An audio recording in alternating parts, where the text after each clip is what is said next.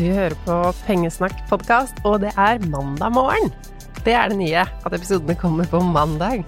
Så kanskje jeg er med dere på øret på vei til jobben eller studier. Uansett, tusen takk for at du har valgt å høre på akkurat min podkast i dag.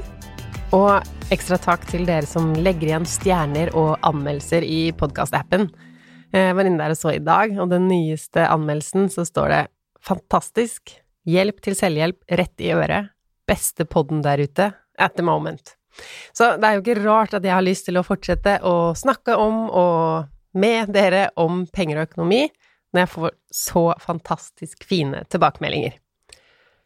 En annen ting som dere kom med overveldende mange tilbakemeldinger på, det var da jeg spurte dere på Instagram i forrige uke hva er en god økonomi?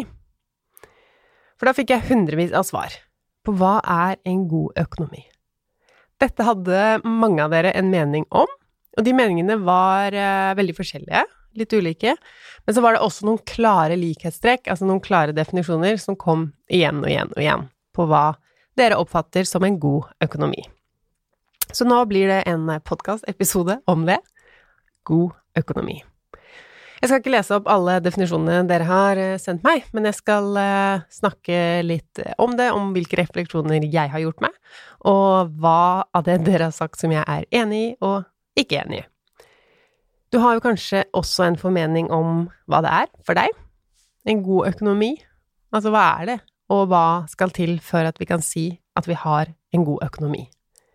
For vi har jo alle lyst på en god økonomi, men vi er nok litt forskjellige i hva vi mener det er for noe.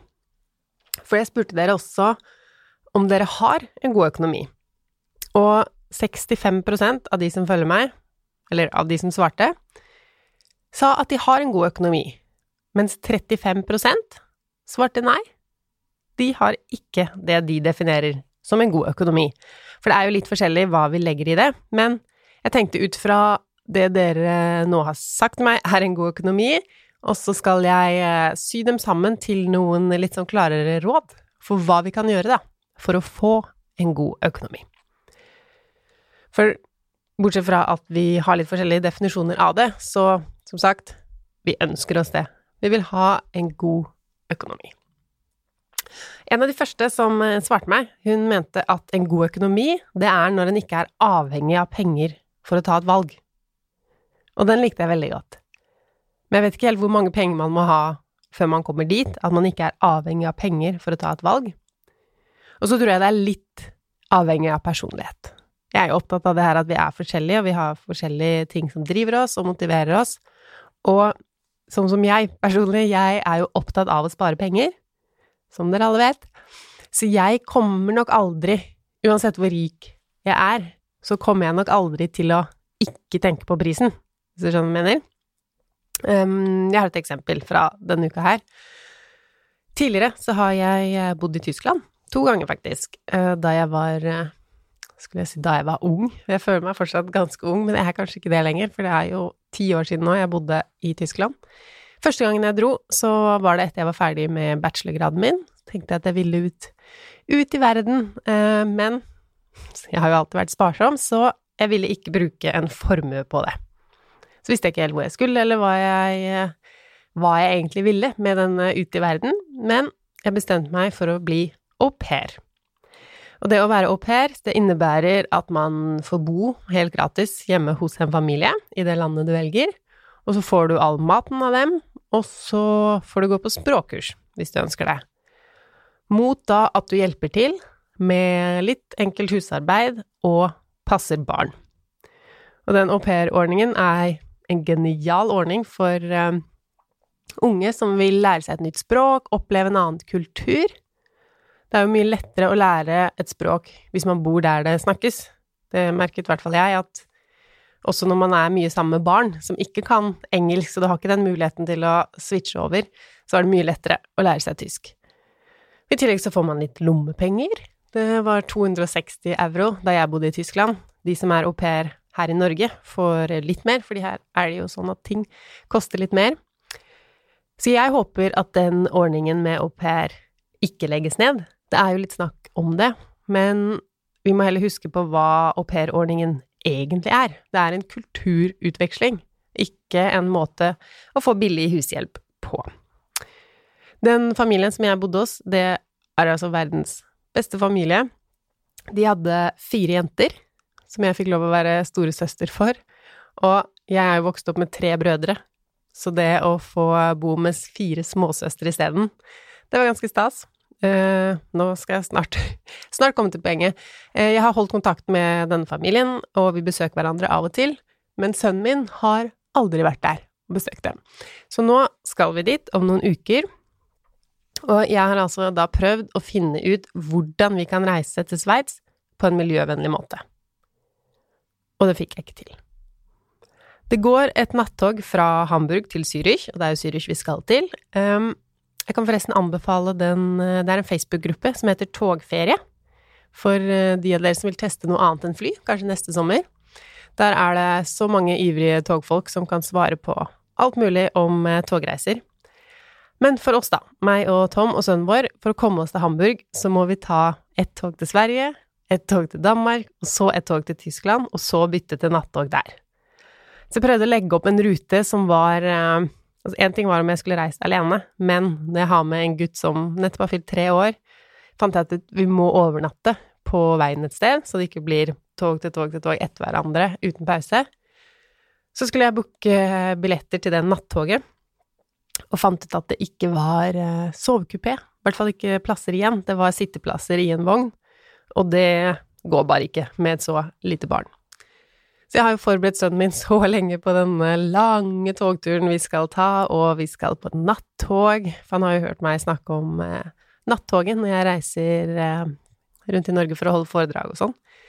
Heldigvis så har vi familie i Bergen, så vi kan ta nattoget dit en gang, så han også skal få oppleve det. Eh, hva var poenget? Jo, at det blir fly. Vi skal fly til Zürich. Jeg trodde jeg skulle være miljøvennlig og velge tog, i hvert fall én vei, men det går bare ikke. Men da jeg skulle velge fly, da, eh, så sitter jeg inne på en sånn side og kan velge mellom alt mulig. Og det er jo ulike tider, og noen av flyene skal mellomlande, og så klart ulike priser. Og det var da jeg tenkte på den definisjonen en god økonomi er når man ikke er avhengig av penger for å ta et valg. Jeg har jo råd til å ta hvilket fly jeg vil, men det er ganske stor forskjell på de ulike flygningene, og når vi er tre som skal fly, så blir jo effekten trippel. Altså, om jeg bare var meg og skulle vurdert skal jeg ta det til 2008 eller det til 3002, så er det, det er 400 kroner forskjell. Men når vi da er tre, så blir jo det 1200 kroner forskjell. Og da er det kanskje verdt det er litt mer ugunstig tidspunkt, eller Altså, det med ugunstig tidspunkt, det var jeg jo ikke så opptatt av før. Da ville jeg jo bare ta det billigste. Men etter jeg fikk barn, så har det blitt veldig viktig. Men til eh, flyprisene. Det er jo umulig å ikke vurdere prisen når man tar det valget. I hvert fall så er det sånn for meg. Og jeg tror at uansett hvor rik jeg hadde vært, så hadde jeg tenkt på prisen når jeg gjorde den vurderingen. Jeg ville jo for eksempel aldri valgt et tog som hadde litt ugunstigere tid, eller mellomlanding, hvis det var dyrere. Så jeg tenker at jeg har god økonomi på grunn av all sparingen min, men jeg tenker jo på og vurderer alle de tre tingene når jeg skal velge en ting som flygning, altså om det er direkte, hvilket klokkeslett det er, og hvilken pris. Men nå, nå skjønte jeg noe. Jeg tenkte på prisen. Altså, da jeg tok vurderingen, så tenkte jeg på prisen. Men, for nå sa jeg på det utsagnet igjen, jeg var ikke avhengig av prisen. Jeg måtte ikke velge den billigste på grunn av pris. For den billigste, det var sent på kvelden og med mellomlanding. Så kunne jeg heller velge å fly på dagtid, som også var direkte, men det var dyrere.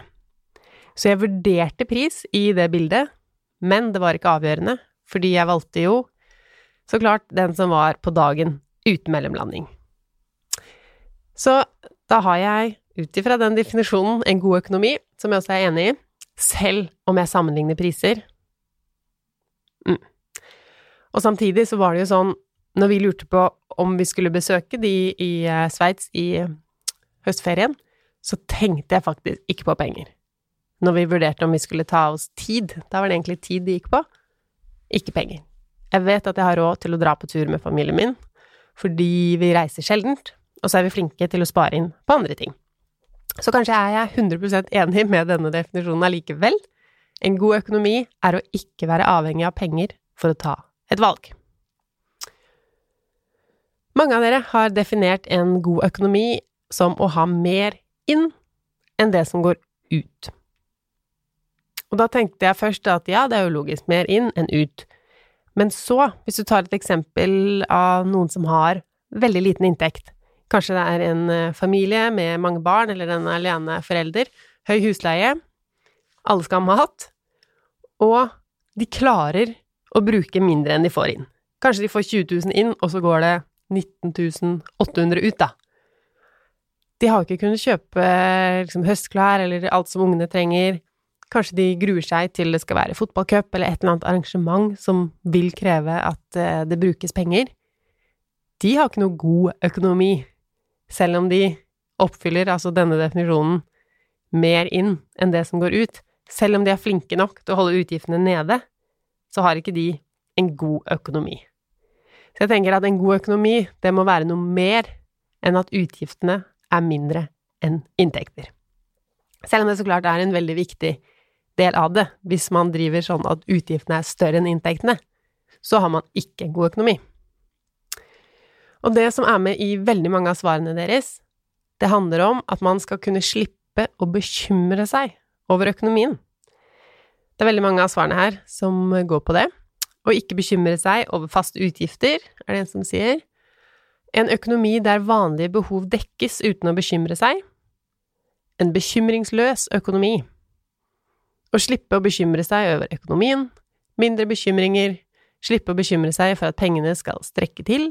Og bekymringsfri hverdag. Altså, det er bare noen av de som går på bekymring. Og den er jeg veldig enig med dere i.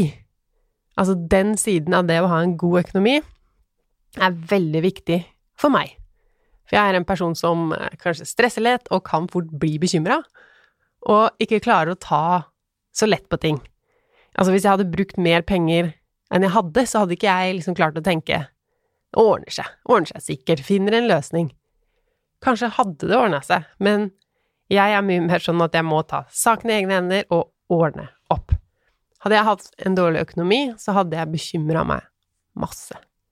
Og det er kanskje altså en av grunnene til at jeg faktisk har jobbet så mye så lenge for å skaffe meg en god økonomi. Rett og slett for å slippe å bekymre meg for penger og det som har med økonomi å gjøre. Men så er det mange av dere Når jeg spør hva en god økonomi er, så er det nesten ingen. Faktisk ingen.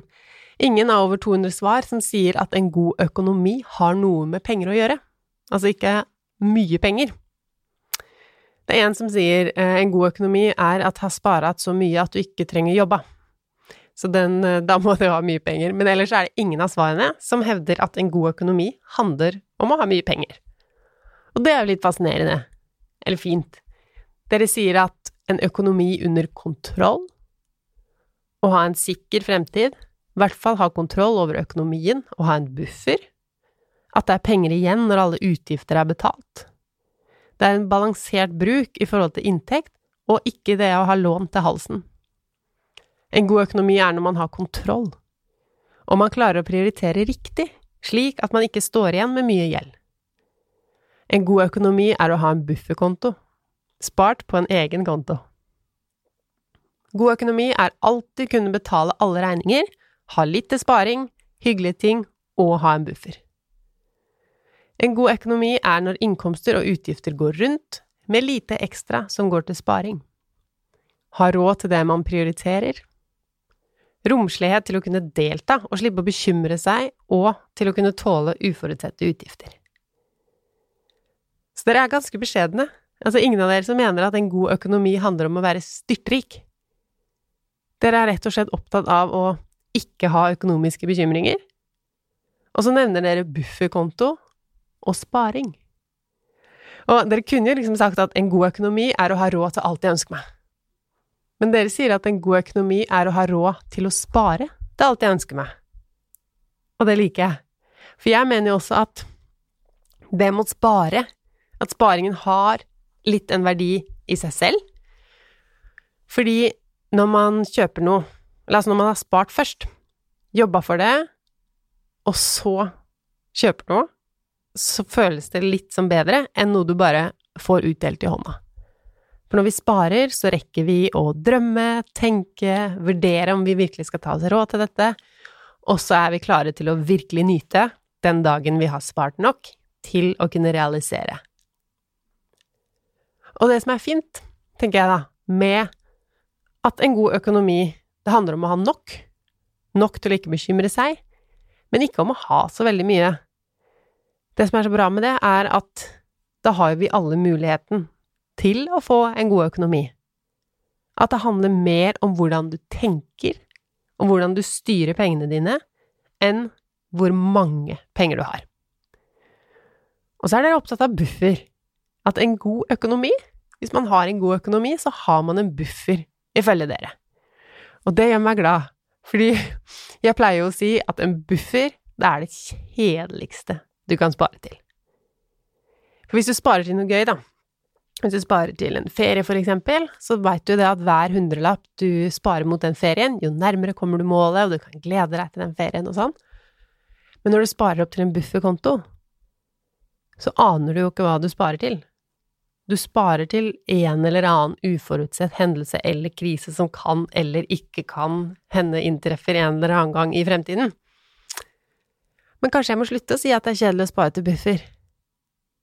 For den tryggheten en bufferkonto gir, er kjempeverdifull.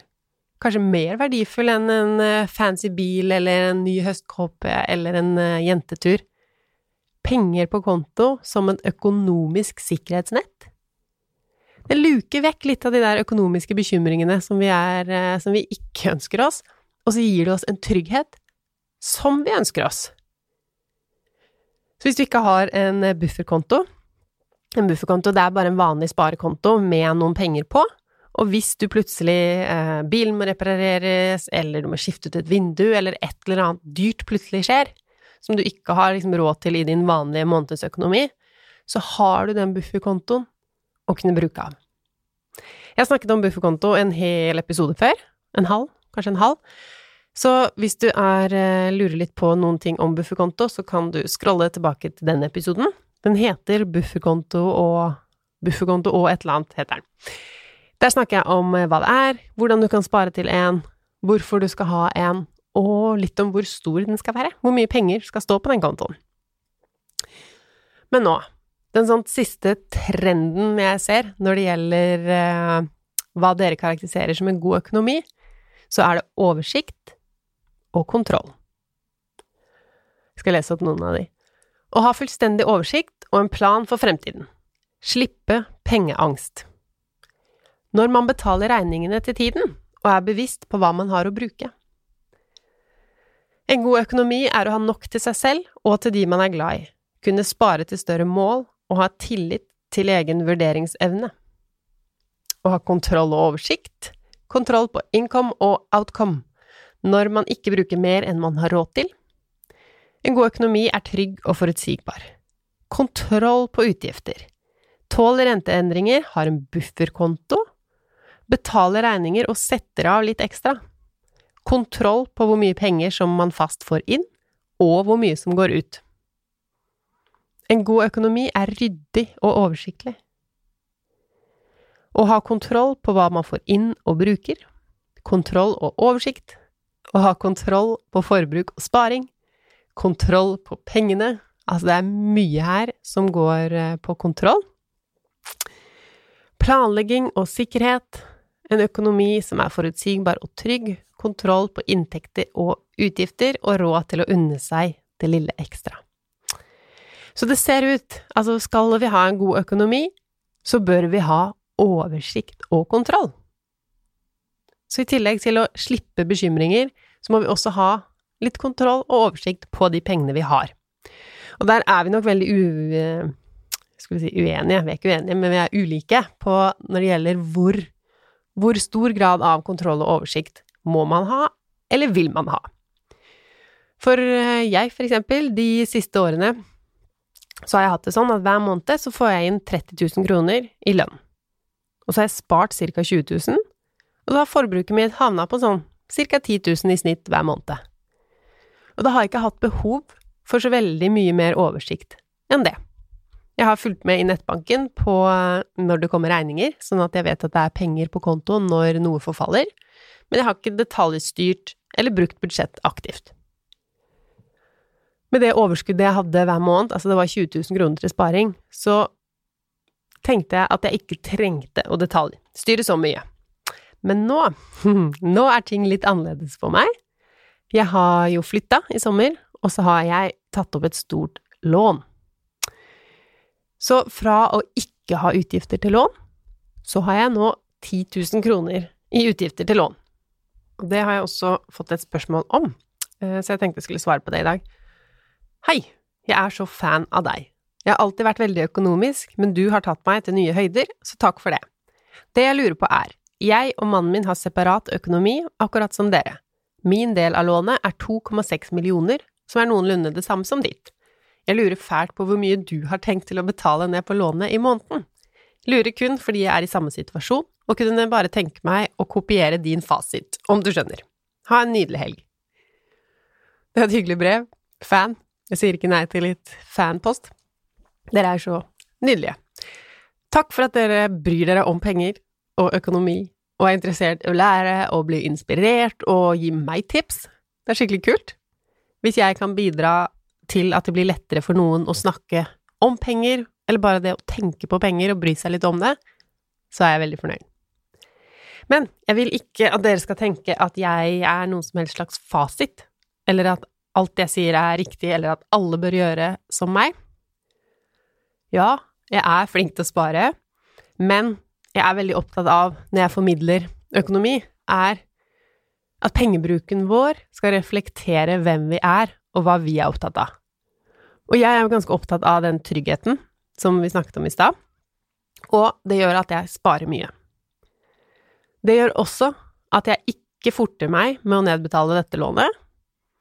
Selv om sist jeg hadde lån, da jeg hadde lån på leiligheten, så forta jeg meg med å nedbetale det. Det var veldig motiverende for meg å se at gjelda ble mindre og mindre. Men nå, i tillegg til at jeg har eh, tatt opp et så stort lån, så har jeg jo også slutta i jobben min. Så jeg får ikke lenger de 30 000 inn den 20. hver måned. Men jeg tjener jo fortsatt litt penger.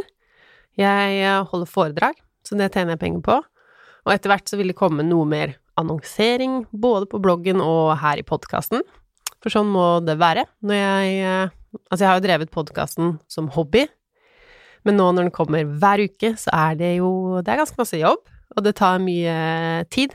Så når jeg velger å lage podkasten, som jeg jo digger, og jeg digger at dere hører på. Uh, og jeg vil jo fortsette at det skal være gratis for dere å høre på det, men jeg har også lyst til å tjene penger på det. Så jeg kan ikke jobbe gratis nå som jeg ikke lenger har en annen jobb ved siden av. Eh, men forresten, om vi Det var ikke meningen jeg skulle komme inn på det nå, men når jeg er inne på det Det jeg skal reklamere for, det er ting jeg står inne for.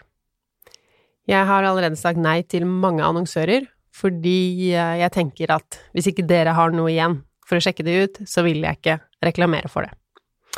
Så ikke tro at jeg reklamerer for hva som helst fordi jeg er så glad i å tjene penger. Jeg kommer til å ha annonser fordi dette faktisk er jobben min nå, men det skal være ting som jeg faktisk kan snakke med dere om og stå inne for og anbefale. Men ja, inntekten min er jo veldig varierende i motsetning til før, når det var liksom 30 eller 31 000 inn hver måned. Nå er det veldig varierende.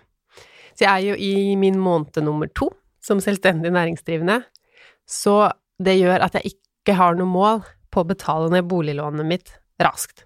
Nå må jeg rett og slett ha litt buffer, sånn at jeg ikke bekymrer meg så mye for at jeg trenger masse inntekter i firmaet mitt helt enda. Så derfor, når vi tok opp lån i sommer, så valgte jeg lengst mulig nedbetalingstid, 30 år, og da ble det 20 000 i måneden, 19 000 nå, nå, så det er ca. 10 000 på meg og 10 000 på Tom. For lånet vårt er på 5 millioner kroner. Og så vil jeg ha en bufferkonto. Um, tidligere, når jeg spilte inn den bufferkontoepisoden blant annet, så hadde jeg som mål å ha en bufferkonto på 50 000 kroner. Da var jeg gjeldfri, hadde jobb, bodde i leilighet, Nå bor jeg i en enebolig fra 30-tallet, så det er jo mye mer som kan skje her hjemme nå, som kan eh, koste penger. Enten i hagen eller med huset, taket Altså, det er mye som kan skje. Og så har jeg jo lån som skal betales hver eneste måned, og jeg har en usikker inntekt. Så det gjør at jeg prioriterer å få en bufferkonto på 100 000 kroner, og at jeg ikke forter meg med å nedbetale lånet. Du derimot, du må gjøre det som eh, passer for deg. Jeg er jo egentlig ikke kjempefan av å ha så masse lån, men eh, så tenker jeg også hvor mye lånet er sett i forhold til boligen. For lånet vårt er en tredjedel av boligverdien. Hadde vi hatt lån på 80% eller mer, så ville jeg nok ha ønska å betale ned litt raskere. Så alt dette Det er mye nytt i min eh, økonomi fra i høst, men jeg mener fortsatt at jeg har en eh, veldig god økonomi. Og det handler jo veldig mye om at jeg kjøper lite ting. Jeg eh, har funnet ut at forbruk gjør meg ikke lykkelig, så da tenker jeg sjelden på hva jeg må ha eller vil ha, eller Jeg eh, bruker rett og slett lite, og så er jeg heller glad i den tryggheten jeg får av å heller ha litt større bufferkonto. Den forbrukslisten vi skriver nå, skal jeg også prate litt om. Jeg ser at uh, mange av dere er jo med på det, og skriver forbruksliste. Det er veldig gøy resten av dere som ikke har eh, prøvd, um, dere, jeg kan anbefale det. Fordi både jeg og dere som allerede gjør det, har fått ny innsikt i vårt eget forbruk, og det er gøy. Og jeg, eh, jeg er jo nerd når det gjelder penger og økonomi, så at eh, jeg sier det er gøy å følge med på forbruket, det er også en annen som har sagt, så det er, kan faktisk være gøy. Jeg skal lese opp et par av tilbakemeldingene fra, det var fra forrige uke, når vi var akkurat halvveis i forbrukslista. Første tilbakemeldingene fikk jeg da vi bare hadde holdt på et par dager. Noen syntes det var litt få linjer på skjemaet, at det gikk fort. Um, det er ikke sikkert det er helt tilfeldig at det ikke er fullt av linjer på det arket. Andre mente at de allerede hadde gjort endringer i forbruket sitt, fordi det ikke er noe gøy å se ting som ser litt flaut ut på den lista. Og så var det et par jeg snakket med, de hadde forbrukslisten som et sånn shared document på telefonene sine. Veldig teknisk, altså sånn at begge kunne se hverandres forbruk. Jeg er jo penn- og papirtypen, og kanskje er dette her første gang du hører om forbruksliste. Forbruksliste er bare et ark, eller et Excel-ark på PC-en, eller noe fancy på mobilen, hvor du For dette vil du prøve ut, du. Mange har sagt at det er litt skummelt òg, forresten. For det man skal gjøre, er å skrive opp alt du bruker penger på, hver dag i 30 dager. Og hvis du går inn på bloggen min, eller bare søker på ordet forbruksliste på internett, så kommer det opp alt du trenger å vite. Og alt du trenger å vite, er egentlig bare at du skal skrive opp alt forbruket ditt hver kveld i 30 dager. Eller så nært innpå kjøpet som mulig. Og så kan du printe ut et ganske så flott skjema som jeg har laget sjæl, og det kan du få helt gratis. Og så Oi, nå kommer jeg på noe nytt jeg kan si om det å skrive forbruksliste. Du kommer til å få en god økonomi. For dere mener jo at oversikt er en av nøklene til god økonomi. Så her får du altså oversikt over dine egne forbruksvaner, hvilke kjøp du gjør ofte. Jeg fant ut, kanskje ikke så overraskende, da, jeg fant ut at jeg bruker lite penger. Jeg har jo delt opp litt, sånn at jeg har ett ark til vårt felles forbruk. og der har vi en del. Mat, en lampe har vi kjøpt den måneden til det nye huset. Vi har huslån, strøm, en del utgifter. Men på mitt eget ark, der sto det ingenting før 15. september. Halvveis ut i måneden hadde jeg min første personlige utgift. Men til gjengjeld så brukte jeg massevis av penger den dagen. Jeg kjøpte en kaffe, coffee to go, og så var jeg på en yogatime, på et spa, spiste middag der, spiste kake der, var hele dagen på spa. Altså, det var søndagen sin, det. Jeg pleier å si at det ikke må koste noe å kose seg, og jeg mener det fortsatt, men dette kosta ganske mye, og var veldig kos. Veldig verdt det. Jeg var med en venninne, og vi skravlet hele dagen, bortsett fra i de badstuene man må være helt stille, som jo også er Veldig deilig. Jeg skal lese hva noen andre har funnet ut etter de har starta med forbruksliste. Kan dere se om eh, Hvis dere også har eh, prøvd forbruksliste og har hatt noen eh, aha-opplevelser eller noe dere sliter med eller ikke skjønner, eller noe dere fant ut som dere har lyst til å dele med meg eller oss andre, så kan du sende meg en melding på Instagram eller på e-post, for jeg syns det er ganske gøy å høre hvordan dere opplever det her å føre forbruksliste. Fordi vi tror jo ikke at vi ikke aner hvor pengene blir av. Men det er, det er gøy når man faktisk må skrive opp og ser hvor ofte man bruker penger, og hvor mye penger som går, litt sånn uten at vi tenker over det. Hei, Lise. Takk for utfordringen i september. Det gjorde meg mer bevisst allerede fra dag én, og hele familien syklet derfor til byen på et arrangement i dag, framfor å ta bilen. Hurra for lommeboka, hurra for miljøet. Hei, Lise. Det er nyttig å skrive forbruksliste, og faktisk ganske gøy. Vi betaler i all hovedsak med kort ved innkjøp, så det er lett å få med alt på listen. Vi har allerede gjort endringer med tanke på når lånet og sparetrekk går, slik at disse betales og trekkes dagen etter lønning. Nå kom jeg på at jeg ikke fortalte ferdig om det paret som hadde listene på telefon. De som Altså, de hadde en sånn liste sånn at den andre kunne se alt forbruket hver av de gjorde.